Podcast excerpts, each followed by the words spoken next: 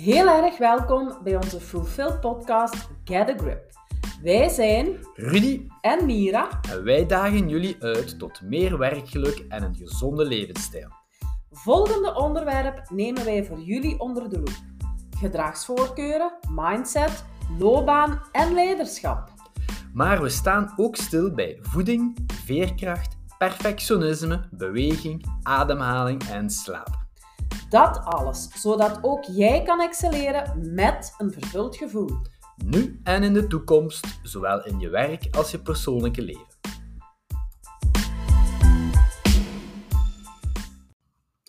Welkom op alweer deze nieuwe podcast.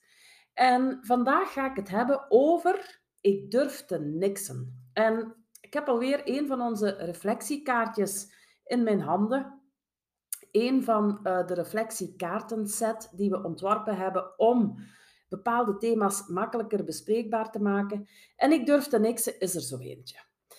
Ehm, ja, daar staan twee belangrijke woorden in, denk ik. Durven en niksen. En misschien vraag je je af, waarom zou je nu moeten durven om te niksen? Uh, maar ik merk toch dat heel wat mensen die ik ontmoet eigenlijk moeilijk hebben met dat niksen. En de bedoeling van vandaag is um, dat we eens gaan kijken van, ja, wat, wat, waarom is dat nu eigenlijk zo belangrijk om toch uh, regelmatig eens te niksen? En wat maakt eigenlijk dat het zo moeilijk is? En met het uh, stukje rond wat maakt nu dat het zo moeilijk is, wil ik jullie even um, ja, iets vertellen over mezelf. En je zal ook zien dat het ook wel te maken heeft met um, ja, het kind zijn en hoe je eigenlijk verder bij het opgroeien kan afdwalen van dat kind zijn. Als kind vond ik het fijn om gewoon te zijn, alleen en in gedachten verzonken. Mijn fantasie kon ik zo de vrije loop laten. Helemaal opgaan in mijn gedachten. En als achtjarige lag ik graag in het gras genietend van die blauwe lucht, de voorbijtrekkende wolken. En ik vond het heerlijk om helemaal alleen wandelingen te maken. Huppelend door de wei, gewoon te zijn, genietend van de natuur en ja, toen ook nog wel de vele vlinders. Ik zie ze nu wel meer en meer terugkomen, wat ik heel fijn vind. Schommelen, dat was iets wat ik uren aan een stuk kon doen. Niet per se om acrobatentoeren uit te halen, alhoewel dat er ook wel bij kwam kijken, want ik was ook wel iemand die graag kattenkwaad uithaalde en uh, ravotten en zo. Maar ik kon eigenlijk toch ook wel heel wat ja, tijd doorbrengen gewoon op die schommel, vooral ja, om dat gevoel te ervaren en om weg te dromen bij dat zalige gevoel dat je krijgt van dat schommelen. Hè. En uh, ja, naarmate ik opgroeide, werd die natuurlijke aanleg, zal ik het maar noemen, om uh, niks te doen en, en mijn gedachten te vergelijden, die werd me eigenlijk wel een beetje afgeleerd. Nu, ik was ook enig kind, dus ik, ik bracht veel tijd alleen door. Dus vandaar dat ik nog wel altijd veel in gedachten verzonken kon zijn. Maar toch ja, werd mij dat ook wel wat afgeleerd. En ik, ja, mijn ouders, dat waren eigenlijk hardwerkende zelfstandigen. En die hadden zoiets van, ja, maar niks doen en uh, gewoon in de zetel zitten, luieren, zoals zij dat noemde. Ja, dat is uh, toch echt wel geen goede gewoonte. Dat is niet wat we moeten gaan, uh, gaan stimuleren. Hè? Nu, als volwassene, ja, je gaat misschien niet geloven, maar ik veer nog altijd rechtop. Hè? Uit, als ik eens in de zetel zit, veer ik nog altijd rechtop als mijn mama onverwacht binnenkomt en ik niks aan het doen ben. Ik ben intussen eind 40. Hè. Ik word, ik word, uh, ik, ah, dit jaar word ik 50. Dus ja, dat zegt toch wel iets. Hè? En ik denk dat ik ook niet de enige ben die die, die associaties legt met, uh, met opvoeding. Uh, bij de meeste mensen wordt dat niets doen toch wel afgeleerd tijdens het opgroeien. En ook als ik kijk naar vrienden in, het opvoeden van hun kinderen, ja, uh, we hebben toch wel graag dat onze kinderen ook vooral actief zijn. Hè? Soms laat de slinger daar ook wel wat in door. Maar enfin, wat ik hoop aan het einde van deze episode toch wel wat te bewerkstelligen, is dat we inzien dat niks eigenlijk toch ook wel nut heeft. Hè? Ehm, als, we, als we gewoon al maatschappelijk kijken, ja, ehm, als je vraagt aan iemand hoe is het, waarmee antwoorden we? Ja, het is wel druk. Hè? Dat druk, druk, druk, ja, dat, dat is precies een verheerlijking van hoe het moet zijn als je, als je goed wil, wil, wil presteren in de maatschappij. Hè? Alhoewel we tegelijkertijd ook wel voelen van, goh, dat lichaam dat zit misschien wel uit alle macht te schreeuwen dat we minder druk moeten zijn. En ja, toch is het dikwijls ook sterker dan onszelf, dat bezig zijn en zoeken naar activiteiten en ons een beetje uitputten eigenlijk. En ehm, ja, het niksen, het niksen daar te weinig tijd aan geven. Dus um, ja, een oproep eigenlijk hè, om toch wel wat meer te gaan niksen, wat meer te werken aan het herstel. Ik verklap nu al een stukje natuurlijk, waarvoor niksen uh, ook wel nodig is. Um, nu, dat herstel, ik denk dat dat de meeste van jullie zelf al wel hadden kunnen bedenken. Hè. Waarom is niksen een belangrijke? Ja, inderdaad, inderdaad om te recupereren.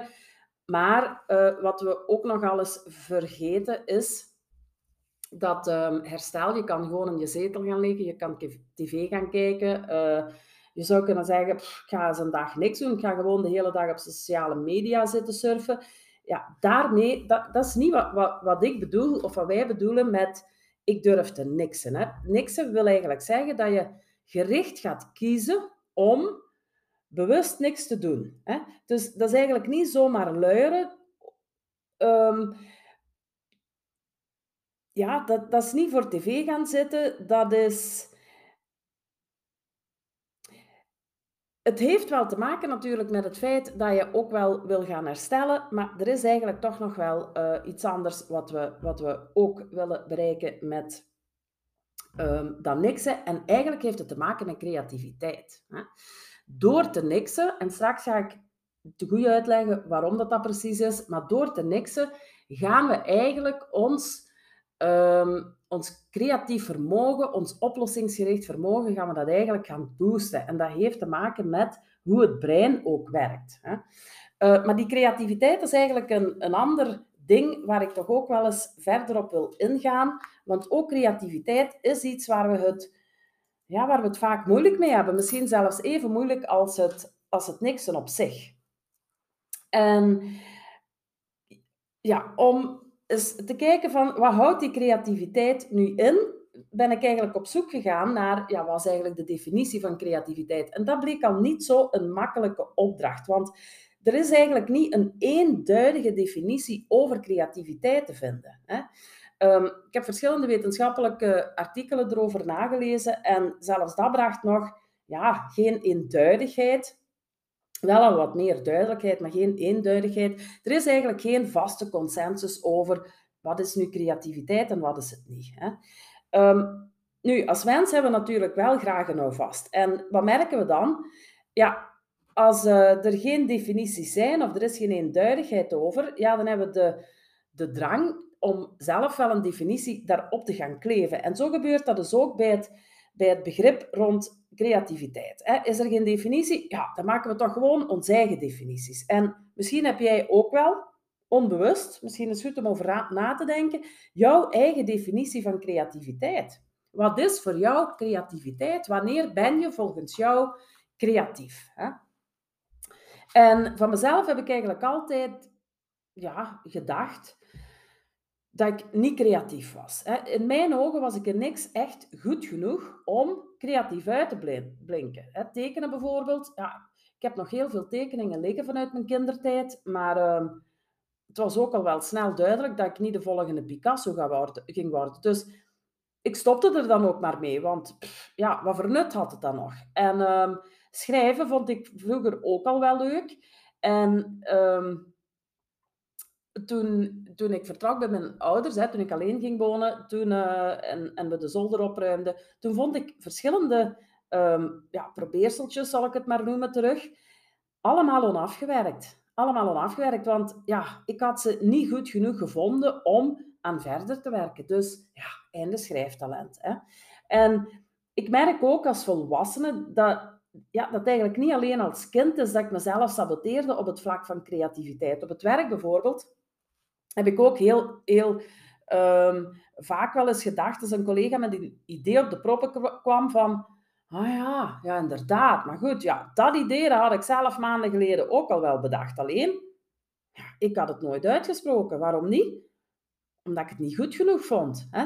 Omdat mij te simpel leek. Misschien voor de hand liggend. Dat ik dacht, dat zal iedereen al wel uh, denken. En dus zweeg ik maar. Hè, tot dan iemand anders met dat idee kwam. En dan uh, waren mijn baas of mijn collega's daar kei enthousiast over. Ja, en ja, ik bleef dan hè, eerlijk gezegd wel een beetje gefrustreerd achter. Maar goed, het was mijn eigen fout. Hè?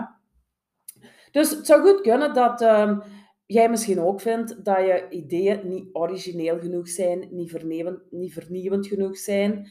Uh, misschien staat creativiteit voor jou ook wel um, voor iets geheel nieuws uitvinden. Hè? Dat was voor mij lange tijd zo. Uh, ik vond altijd dat als je kwam met een idee, ja, dat dat volledig nieuw moest zijn. Hè? Want anders was het het woord creatief niet waard. En dat is eigenlijk iets, als ik in, in, in mijn coachings of in organisaties kom en ik praat daar met uh, mensen over, ja, wat is dat nu voor jou creativiteit? Dan, uh, dan merk ik dat, dat, er heel wat mensen op dezelfde manier naar creativiteit kijken. Net zo streng als ik zelf vroeger. Hè? Um, maar het gevolg daarvan is wel dat als je hoge verwachtingen hebt rond die creativiteit, dat je je eigen creativiteit vaak gaat afdoen als onbenullig. Je vindt het niet de moeite om, om gehoord of gezien te worden. En ja, dat maakt eigenlijk dat creativiteit enkel voorbehouden is voor ja, misschien 2% van de bevolking, die dan echt innovatief zijn, kunstenaars, schrijvers, uh, uitvinders. Ja, en als je zo kijkt natuurlijk naar creativiteit, dan is de kans klein inderdaad dat je jezelf creatief vindt. En als je toch niet creatief bent, waarom zou je er dan moeite in steken om die creativiteit bij jezelf te gaan ontwikkelen? En dat is een heel spijtige zaak natuurlijk, hè? want als ik zie um, naar organisaties en naar de skills van de toekomst, ja, dan is creativiteit staat wel heel bovenaan in dat lijstje.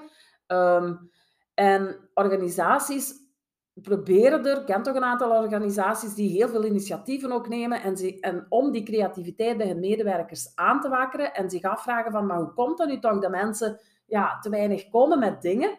Maar dat heeft heel vaak ook te maken met hoe dat wij zelf als werknemer naar die creativiteit van onszelf kijken. Als je het zelf al niet waard genoeg vindt om met een idee naar buiten te komen, ja, dan, dan kan je natuurlijk je creativiteit ook niet voeden, ook niet.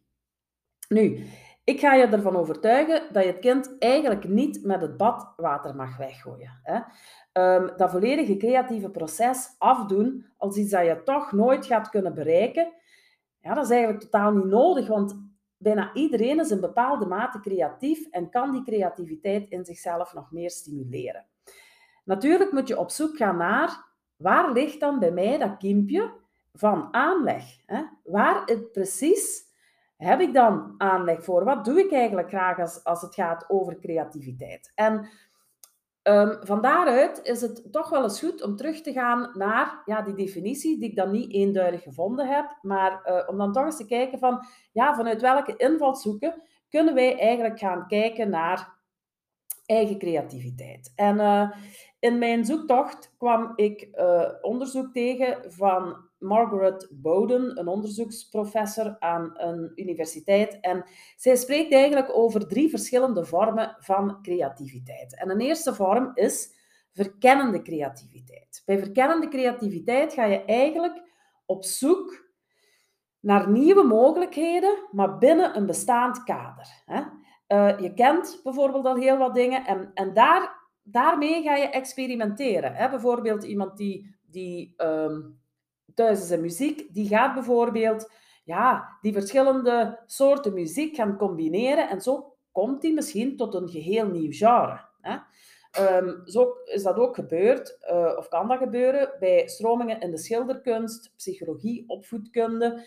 Ja, het is maar door al die kennis die we al hebben, hè, door daarmee aan de slag te gaan en dat te gaan ja, te, gaan, uh, te, te, te, gaan combineren en te gaan zoeken naar nieuwe mogelijkheden binnen dat thema, dat we eigenlijk komen tot, um, tot iets nieuws. Dus deze manier van creatief zijn, die vraagt eigenlijk dat je uit je comfortzone wel wat stapt. Dus je gaat wel buiten dat bekende, je gaat een stapje verder om die nieuwe dingen te proberen en om uit te proberen. Hè. Uh, een mooi voorbeeld van die vorm vind ik wel uh, creativiteit in, in het onderwijs, hè, met, met, het, met het lesgeven op afstand. Um, ja, op een bepaald moment waren we allemaal verplicht om dat te gaan doen. Ik geef zelf ook les aan, uh, aan de Hogeschool PXL in Hasselt. Eén dag per week. En ja, je moet dan wel op een andere manier gaan kijken naar ja, hoe je het altijd gedaan hebt, maar je blijft wel binnen dat kader van lesgeven. Hè? En daarbinnen ga je eigenlijk aan de slag en ja, ga je op een verkennende, creatieve manier toch wel nieuwe zaken gaan ontdekken die dan uh, beter gaan of net niet goed gaan. Je leert al heel vlug dat gewoon plakken en knippen naar de situatie, dat dat niet voldoende is, want dan is het veel te weinig uh, interactief. En, en ja, de jongeren moeten uiteraard wel geboeid blijven. Hè? Dus uh, vandaar staat dan een nieuwe vorm van dat lesgeven en je zou kunnen zeggen dat is dan die verkennende creativiteit. Een tweede vorm die Margaret Bowden onderscheidt is creativiteit door combinatie. Daar ga je eigenlijk betrekken, vertrekken van een bestaand idee of uh, meerdere bestaande ideeën en die ga je vervolgens gaan toepassen in een geheel nieuwe context. Hè. Um, daar ook weer een mooi voorbeeld als we nu toch over dat um, lesgeven zijn, maar je ziet dat bijvoorbeeld ook in bedrijven, hè, waar men meer en meer gebruik maakt om, van business games om bepaalde vaardigheden aan te leren. En de business game, ja, dat komt eigenlijk uit de, uit de, de, de spelindustrie, hè, de, de gezelschapsspelen, de games. Hè. Um, ja, daar gaat men eigenlijk een spelomgeving gaan creëren, maar in plaats dat dat gewoon een gezelschapsspel is, gaat men daar eigenlijk elementen in steken die um, ja, nodig zijn in die bedrijfscontext en zo krijg je dan een business game. Dat is een voorbeeld van die creativiteit door combinatie.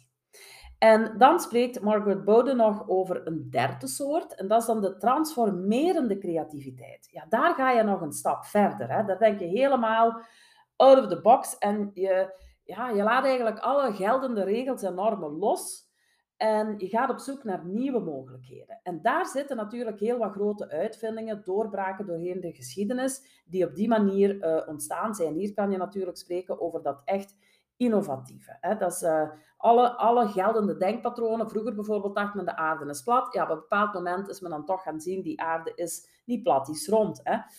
Um, Einstein bijvoorbeeld, hè, die het zwaartekrachtveld voorop stelde. Uh, meer recent auto's die rijden op elektriciteit. Dus echt wel de geldende normen loslaten en op zoek gaan naar veel meer um, ja, innovatie daar, zeg maar. Dus hier kan je alles afvragen van, ja, als je kijkt naar je eigen creativiteit, waar past die van jou het meeste? En is dat dan meer in die verkennende creativiteit? Is dat in de creativiteit door uh, ja, dingen te gaan combineren? Um, of is dat echt die innoverende creativiteit? Vaak, of vroeger ja, had ik ook zoiets van, ja, maar zo verbanden gaan leggen en, en daar dan nieuwe dingen van maken. Ik had het daar ook zo niet op vroeger, want ik had dan zoiets van, ja, maar eigenlijk dan, ja, dat is toch niet meer dan knippen en plakken tot iets nieuws. Of um, dat, dan ga je toch ook dingen gebruiken van anderen en je gaat afkijken en daar dan iets nieuws van maken. Ja, dat is ook zo. Hè? Maar dat is eigenlijk wat we heel onze, onze doorheen de evolutie ook gedaan hebben. Wij, wij, bouwen verder op kennis die er geweest is. Dat maakt, dat maakt net dat onze soort steeds slimmer wordt. Dat is omdat we die collectieve kennis, we nemen die mee en daar bouwen we telkens op verder. Dus ja, dat is wel een vorm van creativiteit. Hè? Nu, ook dichter bij huis um, vond ik een interessante insteek om naar creativiteit te kijken. En uh, dan heb ik het over Daniel Krekels. Hè. Daniel is uh, de grondlegger van de kerntalentenmethodiek. Uh, dat is eigenlijk een methodiek waarbij dat zij gaat kijken naar um, ja, wat deed je eigenlijk graag in je kindertijd. En vandaar vertaalt ze dat eigenlijk naar wat is jouw ja, wat zijn jouw kerntalenten? Wat is jouw aanleg? Wat is jouw intrinsieke motivatie, maar ook potentieel? Hè? Um, van zaken die je graag doet en die je dan ook um, waarschijnlijk beter gaat kunnen ontwikkelen, net omdat je ze zo graag doet en omdat ze jou zoveel energie geven. En Daniel heeft ook um, nagedacht over creativiteit en creatieve vormen. en zij beschrijft eigenlijk vier dimensies van creativiteit. Zij beschrijft concrete probleemoplossende creativiteit, abstracte of complexe probleemoplossende creativiteit, esthetische creativiteit en fantasie-cerebrale creativiteit. En um, ja, zij maakt dus een onderscheid in deze creatieve vormen. En wat je hier al in hoort, is dat er wel een onderscheid gemaakt kan worden tussen probleemoplossende creativiteit, hè, die toch wel ook naar resultaat toe leidt, en meer die fantasierijke creativiteit, waar meer dat verbeeldende zit. En ehm, ja, toen ik mijn boek schreef, ben ik zelf op zoek gegaan naar ja, hoe kunnen we ook um, mensen iets aanreiken als ze zelf aan de slag willen gaan om te weten wat zijn nu eigenlijk mijn, ehm, mijn, ik noem het dan gedragsvoorkeuren, hè, om jezelf toch wel beter te leren kennen, want dat zelfinzicht is, is voor iedereen belangrijk. En ik ben daarvoor op zoek gegaan, ik ben daarvoor vertrokken vanuit de Big Five. En de Big Five, of het vijf-factoren-model, dat is eigenlijk een persoonlijkheidsmodel dat wereldwijd gebruikt wordt in de psychologie om op een valide en betrouwbare manier persoonlijkheidstrekken te beschrijven. En daar ben ik eigenlijk gaan kijken van, ja, welk gedrag wordt daaraan gekoppeld? En ik was eigenlijk, ehm, ja, wel positief verrast, moet ik zeggen, toen ik daar de vier vormen die Daniel eigenlijk voorop uh, zet, dat ik die daar eigenlijk toch ook wel terug in herkende. Hè. Ehm, ze zijn wel wat anders ingedeeld. En um, ja, ik ga ze nu even toelichten en dan uh, gaan we daar per soort van creativiteit ietsje dieper op in. Dus um, in die gedragsvoorkeuren uit die Big Five zie je dus ook die oplossingsgerichte creativiteit. En wat wil dat eigenlijk zeggen? Als je vooral die creativiteit herkent bij jezelf, ja, dan hou je er eigenlijk wel van om dingen te gaan uitdenken. Hè? Je ziet uh, dingen in een groter verband en je vraagt je ook wel af waarom. Waarom is dat eigenlijk zo? En je gaat zaken bekijken vanuit verschillende invalshoeken en dan ga je er een analyse van maken. En op basis van die analyse en de inzichten die je daardoor uh, door krijgt, ga je eigenlijk uh, een oordeel vormen hè, dat gefundeerd is, want je hebt een, een analyse gemaakt. En zo ga je eigenlijk op zoek naar een oplossing. En of je dan die pasklare oplossing bedenkt, of je gaat heel net een, um, een heel originele oplossing bedenken, hè, een lumineus idee misschien zelfs, of je vindt het gewoon leuk om daar gewoon over na te denken. Ja, dat hangt dan weer af van andere combinaties. Hè. Hier doet eigenlijk de Big Five op zich niet zo, uh, niet zo zeer een uitspraak over. De tweede vorm die daar onderscheiden wordt, is ook wel die esthetische creativiteit. Hè.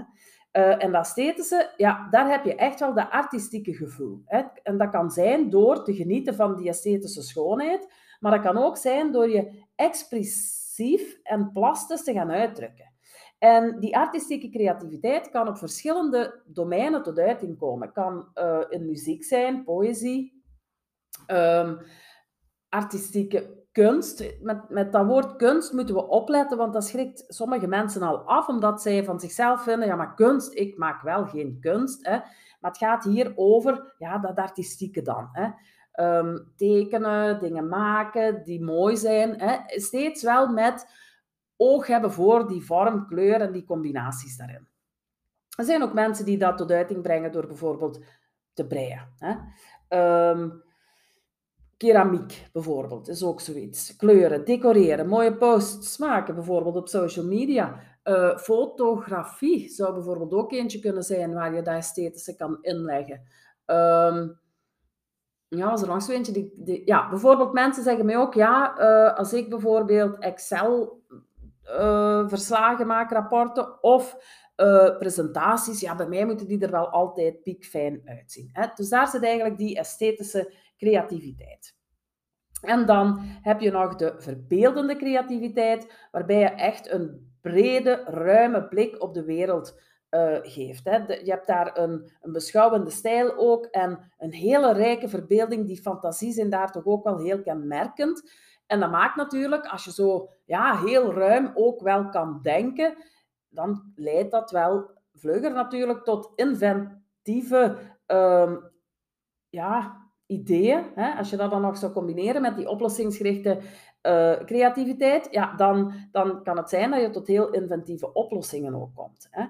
Uh, iemand met een verbeeldende creativiteit die heeft natuurlijk een zeer goed voorstellingsvermogen en komt heel vaak uh, origineel uit de hoek. Hè. Of die iets gaat doen met die ideeën, hangt dan ook weer van andere gedragsvoorkeuren af. Hè. En, en, zo zie je al dat uh, het zou kunnen dat je zegt van ja, als ik daar nu naar kijk, dan uh, herken ik mij bijvoorbeeld het meest in de oplossingsgerichte creativiteit. Maar je gaat ook mensen hebben die zeggen, ja, ik herken de drie. Hè. En in welke mate um, die drie dan ja, aanwezig zijn, hangt het er ook van af hoe dat het zich gaat uiten. Hè. Hoe dat jij het eigenlijk in de wereld gaat zetten. Um, nu, in de gedragsvoorkeuren die ik beschrijf in, in mijn boek Get a Grip, um, ja, zijn dit niet de drie enige. Hè? Want in totaal zijn het er veertig. En um, ja, in het boek zijn het er eigenlijk 39. Ik heb er achteraf nog eentje toegevoegd. In onze, want ik, er zijn intussen ook kaartjes van ontwikkeld, en dus van, nu zijn het er 40. Maar er zijn nog een aantal gedragsvoorkeuren die die creativiteit nog versterken. Hè. Bijvoorbeeld ook de mate van innerlijke beschouwing. Hè. Um, dat wil eigenlijk zeggen, in welke mate ben jij iemand die behoefte heeft aan, ja, is gewoon na te denken, te filosoferen, te reflecteren, um, te zoeken naar die diepgang. Uh, te, gewoon het leven, daarover na te denken, te beschouwen, te, te zoeken naar die zin van het leven. En dat wil eigenlijk zeggen, als je op die manier, als je momenten gaat inbouwen om dat te doen, ja, dan ga je al van nature uit ook wel een rijkere verinnerlijking hebben. Hè? Want natuurlijk, die creativiteit kan gaan versterken. Hè? En uh, hier zit ook al een, een vorm van dat niksen in. Hè? Je hebt mensen die want we zijn hier nu begonnen. Mensen vinden het moeilijk om te niksen. Je hebt ook wel mensen die dat helemaal niet moeilijk vinden en die echt ook nood hebben aan dat niksen. En als we het hebben over die verbeeldende creativiteit, ja, dan zien we dat dat wel vaak samenhangt met ja, ook die innerlijke beschouwing. Want om te, als je verbeeldt, ja, dan heb je natuurlijk ook wel van momenten dat je gaat um, reflecteren. Hè? Dat je gaat tijd maken om die verbeelding eigenlijk uh, ruimte te geven. Ik kijk ook even naar uh, de gedragsvoorkeur exploreren. Natuurlijk, iemand die verandering gaat initiëren, die zelf nieuwe zaken opzoekt, die houdt van te experimenteren, die gaat ook wel zijn creativiteit op die manier kunnen gaan versterken, want die gaat die meer naar, naar buiten kunnen brengen. Hè? Die, gaat daar, die gaat daarmee aan de slag, die gaat daarmee gaan um, exploreren, gaan, gaan experimenteren. Hè? En dan heb je ook nog wel gedragsvoorkeuren als witgierigheid, leergierigheid, sociale belangstelling. Zijn natuurlijk ook allemaal uh, gedragsvoorkeuren die ook weer die brede kijk hebben. En eigenlijk alles wat een brede kijk heeft, ja, dat gaat eigenlijk je creativiteit gaan versterken. Dus je zou nu eens kunnen nagaan voor jezelf, ja, als ik dat nu allemaal gehoord heb uh, over creativiteit, hoe kijk ik dan er zelf op terug? Hè? Hoe kijk ik nu zelf naar mijn eigen creativiteit? Hoe keek ik ervoor en hoe keek ik nu? Is daar iets veranderd of is alles nog hetzelfde gebleven? Dat is natuurlijk ook oké, uiteraard. Waarom hebben we als mens die creativiteit nu nodig? Hè? En ik heb er daar straks eigenlijk al wel wat verteld. Hè? Als we lezen over die toekomst, ja, dan lezen we ook altijd over het belang van creativiteit. En ik heb ook het boek Creativity gelezen. En daar staat heel expliciet ook in onze overleving als soort hangt af van onze creativiteit. Alleen vanuit onze creativiteit zullen we erin slagen om als mens van betekenis te blijven in een tijdperk waarin technische evolutie de norm is. Creativiteit, met andere woorden, ja, is echt wel een van onze belangrijkste troeven waar we op moeten inzetten als we ons als mens willen gaan onderscheiden in die technologische en gedigitaliseerde wereld. Hè.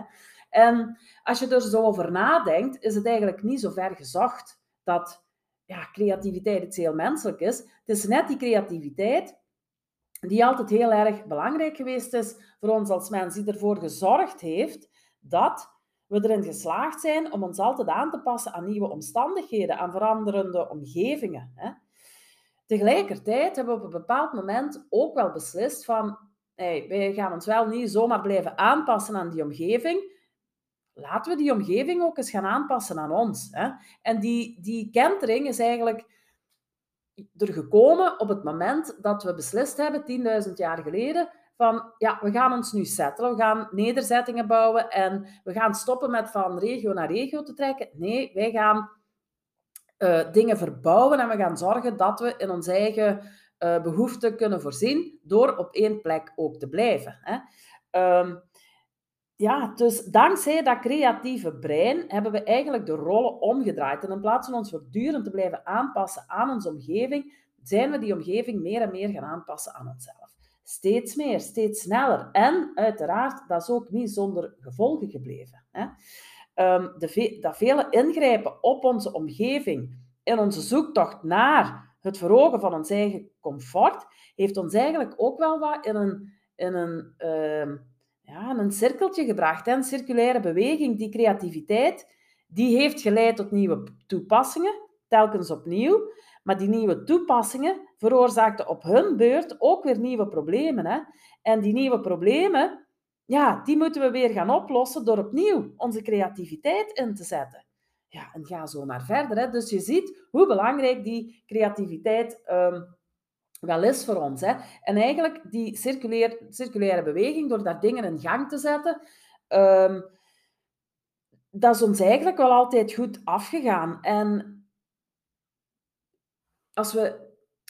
Je zou kunnen zeggen, ja, maar die snelheid en, en alles... Hè, vandaag staan we toch wel voor heel wat uitdagende problemen. Hè. De, de, het klimaat, migratie... Um, ja, virussen die zomaar... Uh, opduiken en, en ineens een pandemie veroorzaken. We, we staan toch wel tot, tot aan heel wat uitdagingen. Ook wel door toedoen misschien van, hè, van wat wij allemaal um, veranderd hebben in, in de loop van de geschiedenis.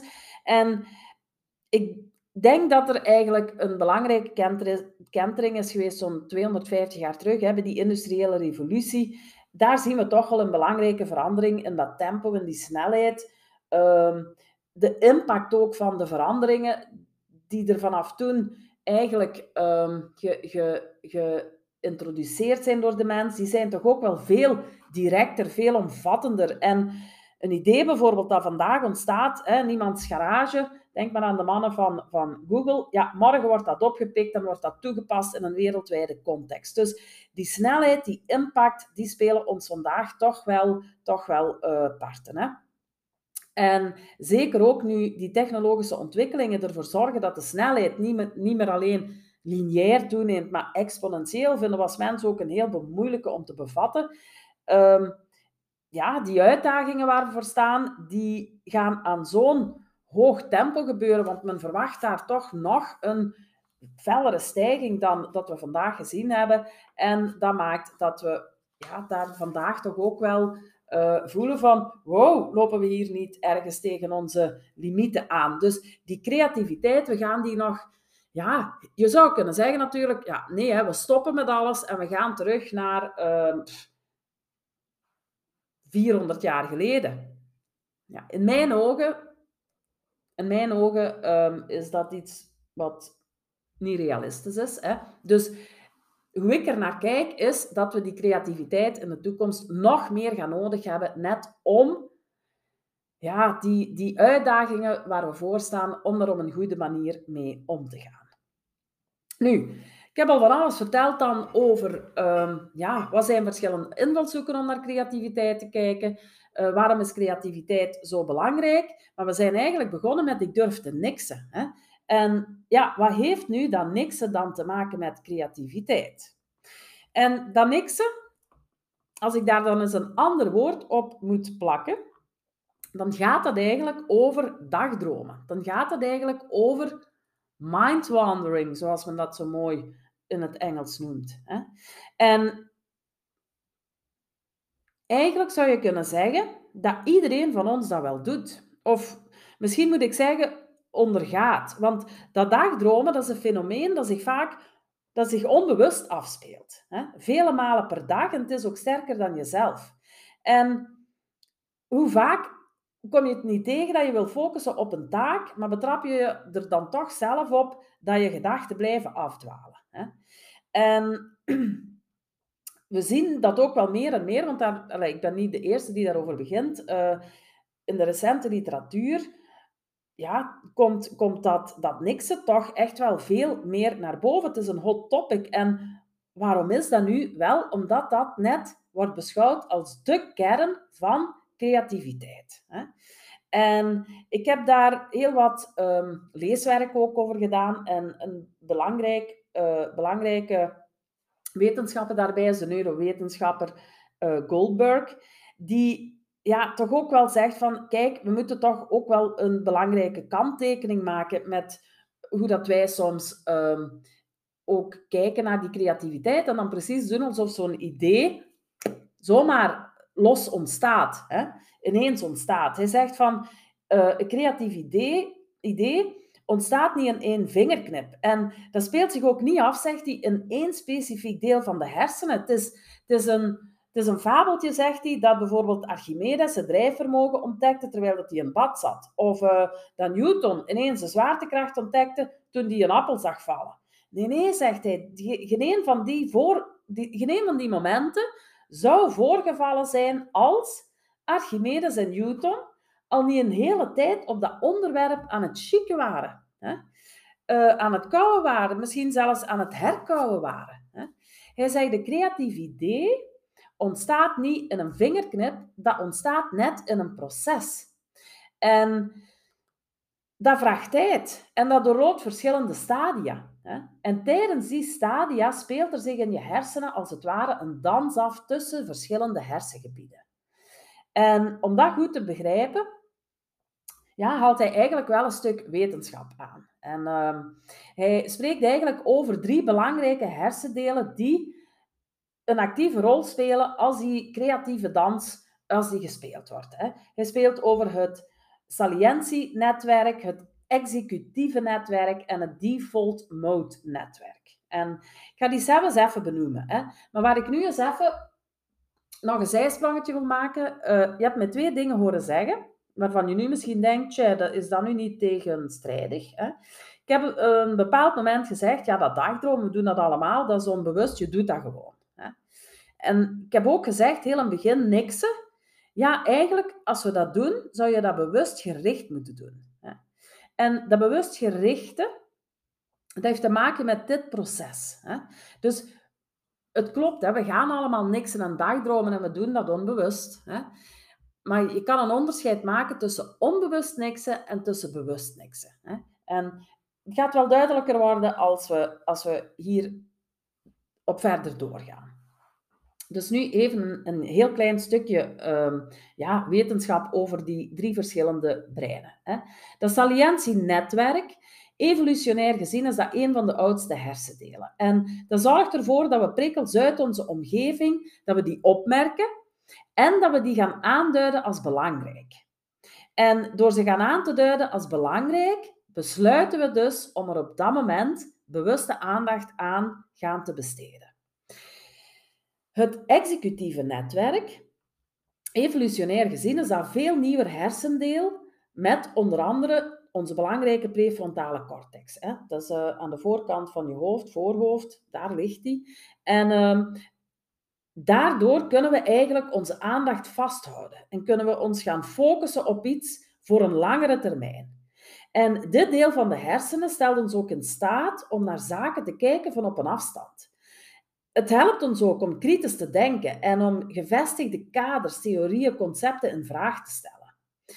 Dat executieve netwerk, dat spreken we eigenlijk aan als we een probleem willen oplossen of als we iets moeten opleveren tegen een bepaalde deadline. Prioriteiten stellen, focussen, aandacht blijven vasthouden, naar een bepaald doel toewerken. Ja, dat is nodig als je een deadline wilt behalen. Wel, in dat geval ga je die, um, dat executieve netwerk in gang zetten. En in de wetenschap noemt men die activiteit in de hersenen ook al de hyperfrontaliteit. Voor degenen die dat willen weten, de anderen vergeten dat maar terug. En dan heb je nog het derde ehm, deel in de hersenen, uh, dat mee in dat proces zit, als we, dat creatief proces, als we die creatieve dans willen doen. En dat is het default mode netwerk. En dat is dan weer vooral actief in een toestand van rust.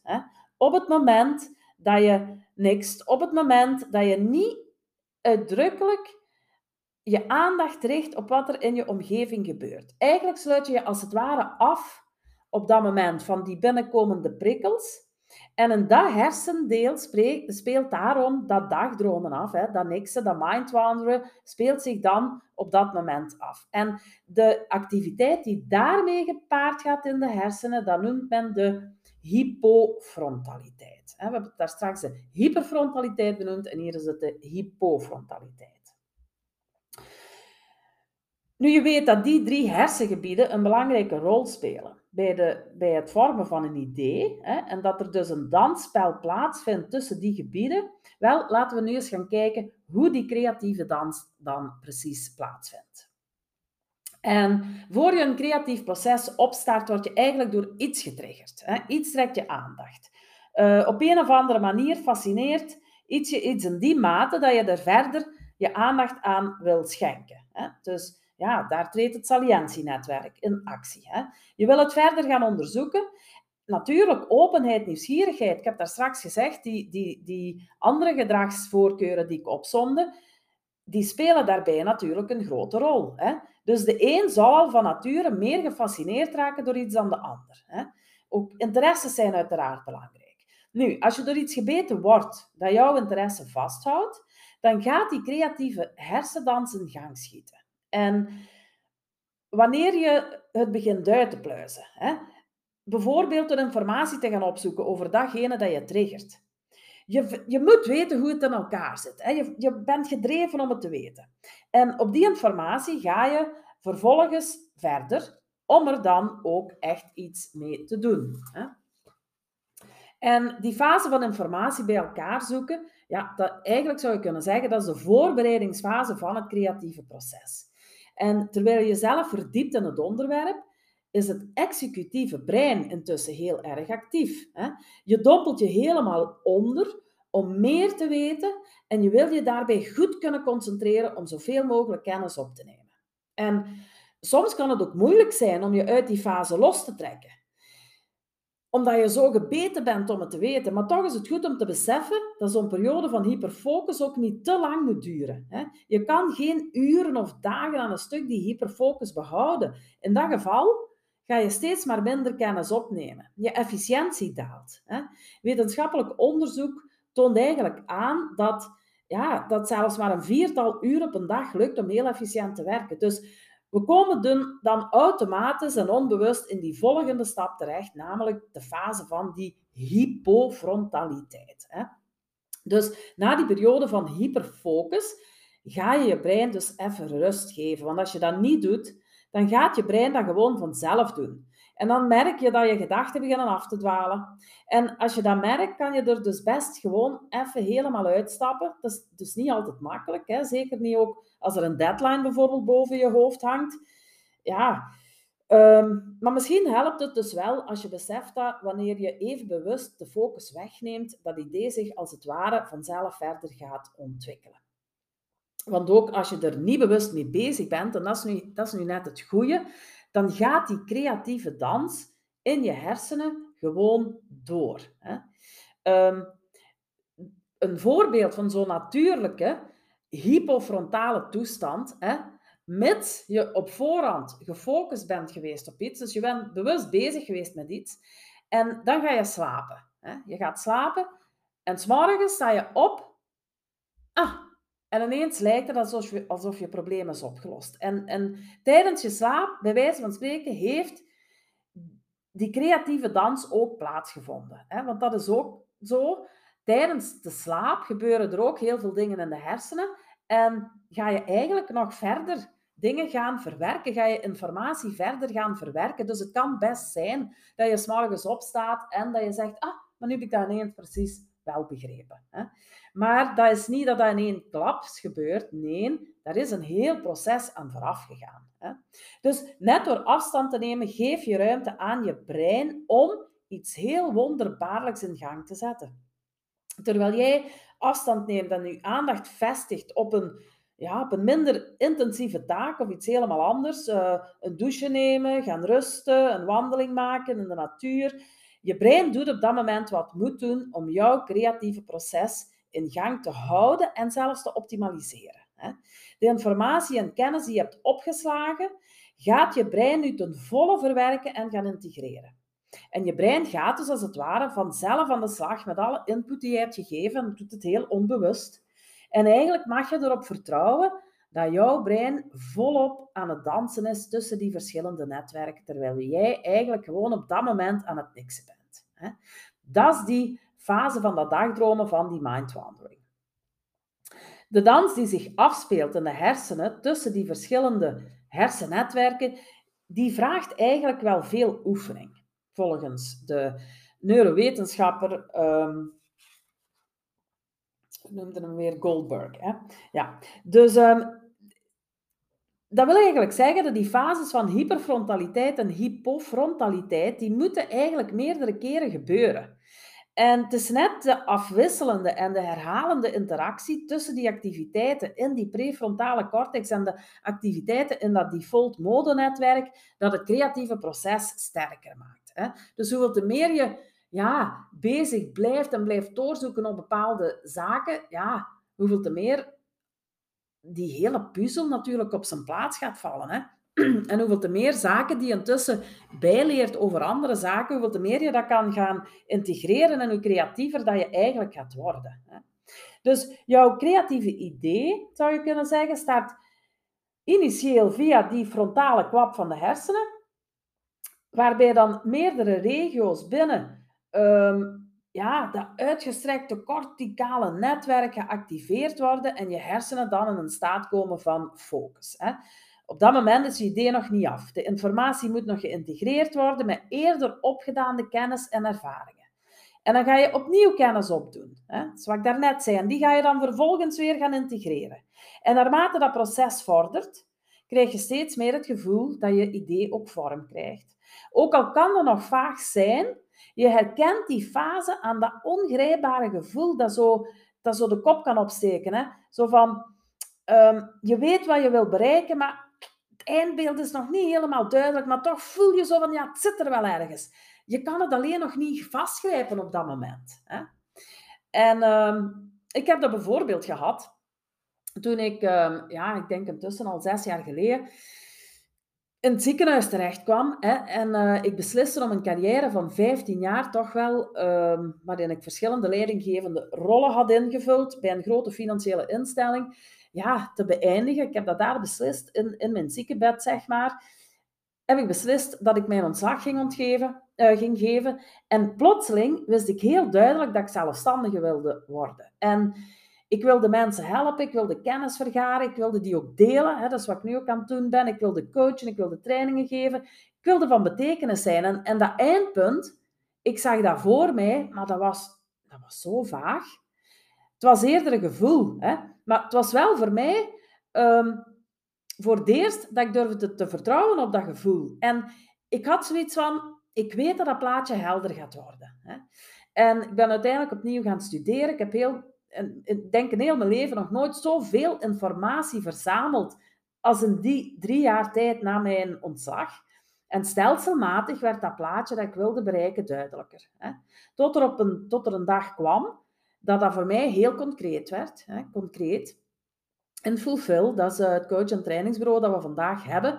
En ja, die, die hele weg wat ik toen ook al wel benoemde als, ja, hoe is dat dan gegroeid, vroegen mensen me dan. Ja, goh, dat is een organisch proces geweest, zeg ik dan altijd. Maar eigenlijk was dat dus niet meer of niet minder dan een creatief proces dat zich gewoon drie jaar lang in mijn hoofd heeft afgespeeld. Hè. En uh, ja, dat dan ineens heel concreet geworden is. En waarbij ik, en dat vind ik ook wel altijd een grappige, want vroeger toen ik nog, um, toen ik nog ja, binnen, binnen die financiële instelling werkte, toen moest ik aan um, collega's eigenlijk gaan zeggen, moest ik tips gaan geven over hoe dat zij zich beter konden gaan structureren en gaan focussen. En het grappige is, sinds ik zelfstandige werd, ja, zat, was, zat ik precies in, in, in het tegenovergestelde deel. Hè. Mijn man zei van, oeh, dat kan toch niet dat ze vroeger tegen u zeiden, ga tips geven hoe dat mensen zich moeten focussen. Jij ze deden al chaos. En op dat moment was dat ook zo. Ik had ineens zoveel ideeën en die andere kant van mij, die kwam ineens helemaal los. Precies alsof die daar ergens opgesloten geweest was en nu mocht uitbreken. En die, die verdrong dan ineens ook heel dat gestructureerd deel en dat, ja, dat, dat hyperfocusdeel, zeg maar. Dus die slinger ging totaal naar de andere kant, waarbij ik eigenlijk vandaag zie van, ja, ik heb, ik heb ook wel de twee in mij. Hè. Ik heb dat gestructureerde, gestructureerde, dat resultaatsgerichte, dat probleemoplossende, maar ik heb ook echt wel ja, dat verbeeldende heb ik ook wel. En het is nu mooi hoe dat die twee eigenlijk samenkomen en hoe dat kan, dat je als je in zo'n structurele structuur zit, hoe dan toch vooral het ene naar buiten komt en het andere eigenlijk geen kans krijgt. Hè?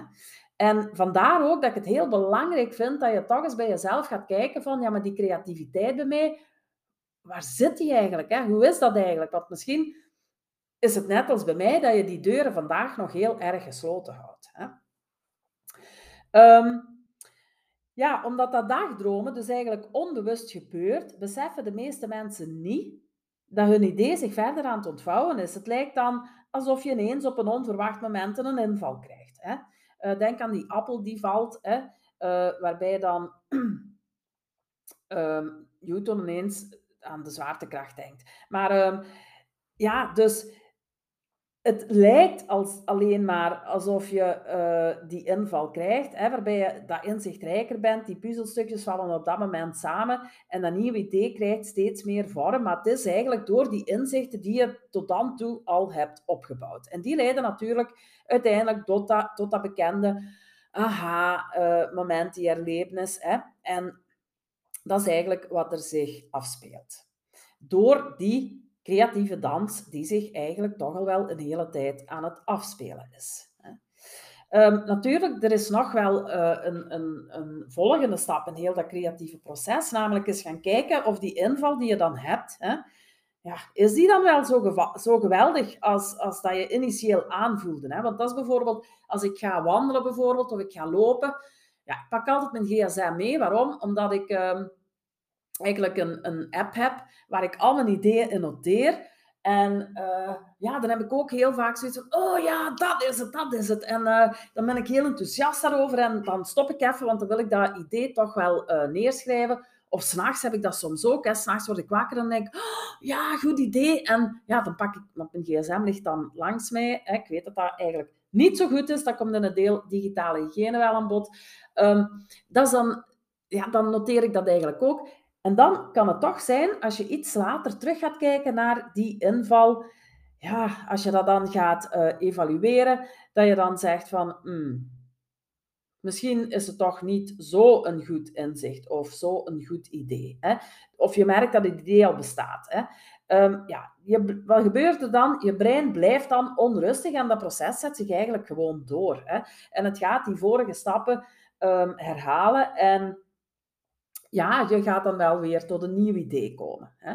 Vind je je idee wel goed, ja, dan, dan ga je over naar de laatste stap en dan begin je je idee uit te voeren. En dat is natuurlijk ook een belangrijke, want je hebt ook heel veel mensen die ehm, ja, heel veel ideeën hebben en wel die verbeelding hebben, maar dan net misschien het stukje missen waarbij dat ze het ook gaan implementeren, waarbij dat ze het gaan uitvoeren. Hè. En vandaar dat we dan weer zien dat het ook heel belangrijk is om ook in teams hè, van elkaar te zien van ja, wie heeft hier eigenlijk welke aanlegstructuren, hè? wie heeft hier welke kerntalenten, wie heeft hier welke gedragsvoorkeuren. Waarom? Omdat het toch wel belangrijk is om um, ja, complementair aan de slag te gaan. Hè? Samenwerken zal alleen maar belangrijker worden als we die creativiteit willen laten boosten in um, een professionele omgeving ook. Hè? Je hebt daar zowel mensen nodig die probleemoplossend zijn, die dingen in de wereld gaan zetten, als ook mensen die heel ruim en heel breed kunnen gaan denken.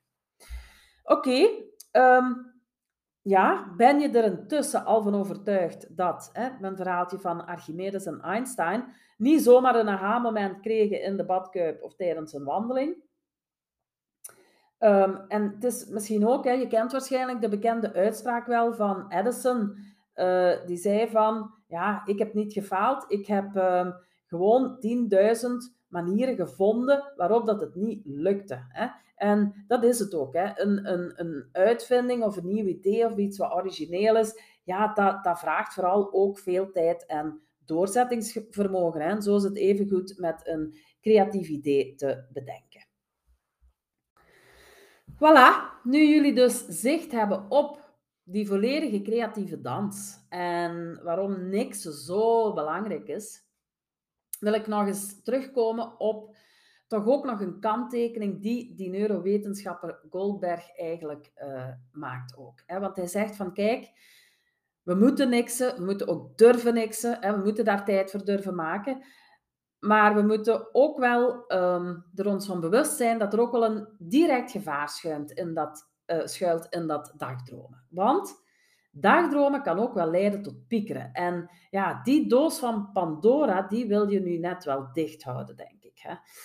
Um, en Goldberg maakt daarom een onderscheid tussen twee types van dagdromen. En hij noemt het gefocuste en ongefocuste. Gericht, niet gericht. En bij gefocust dagdromen ben je in de tijd die eraan vooraf gaat bewust bezig met die zaken waar je graag meer over wil weten. Hè?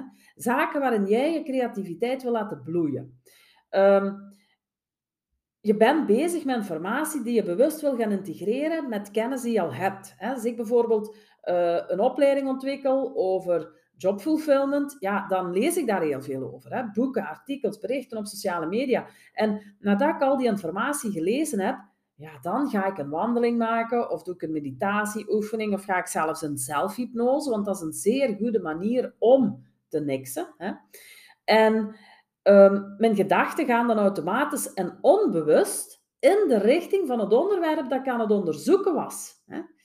Dus dat wil eigenlijk zeggen dat mijn brein verbanden gaat leggen zonder dat ik het weet. En ja, plots komt daar dan de andere of dat nieuwe idee naar boven. Maar ik kan dat eigenlijk wel een beetje sturen. En dat is ook zo. Um, er wordt wel eens gezegd, je brein is maakbaar. En mensen die bijvoorbeeld uh, heel erg kijken naar het negatieve van alles, ja, probeer toch meer te kijken naar dat positieve, dat optimisme, dat positivisme, het glas dat half vol is. Hè. Probeer s'avonds eens na te denken en echt te noteren, wat zijn hier nu uh, drie dingen die ik positief vond aan deze dag. Waarom? Wel, omwille van dit. Hè. Je kan inderdaad, uh, ik geloof daar heel sterk in, je kan je positivisme gaan, gaan versterken door anders te kijken naar bepaalde zaken, door je focus te herleggen, bij wijze van spreken, omdat je daardoor die creatieve dans gaat beïnvloeden. Hè? Um, ja, dus een hele belangrijke om er rekening mee te houden, hoeveel te meer jij de focus uh, geeft aan iets wat negatief is, ja, hoeveel te meer je die negatief, negativiteit eigenlijk gaat versterken. Hè? Uh, wat natuurlijk niet wil zeggen dat, dat het niet goed is om ook eens niet na te denken over dingen die negatief lopen. Hè? Als het een probleem is en dat probleem dat krijg je opgelost, ja, dan is het wel goed soms ook om daarover te piekeren. Alleen maar op het moment dat je zoiets hebt van, ja, maar ik blijf hier nu eigenlijk piekeren en piekeren, dan begint ook een circulair uh, daantje te vormen in mijn hoofd, maar dat leidt eigenlijk nooit tot een oplossing, ja, dan heeft het eigenlijk geen zin meer. Hè? Dus van het moment dat nadenken over iets en blijven nadenken over datzelfde niet meer leidt naar een oplossing, ja, waarom zou je het dan blijven doen? Hè? En dan kan je eigenlijk gaan zorgen dat je je gaat herfocussen en je um, focus gaat leggen op iets wat positiever is, zodat je ja, dat meer gaat versterken en die creativiteit meer gaat uh, boosten. Nu is het hele plaatje helemaal rond. Um, dus ik zou zeggen, ja, denk nu eens goed na over hoe sta ik nu tegenover creativiteit?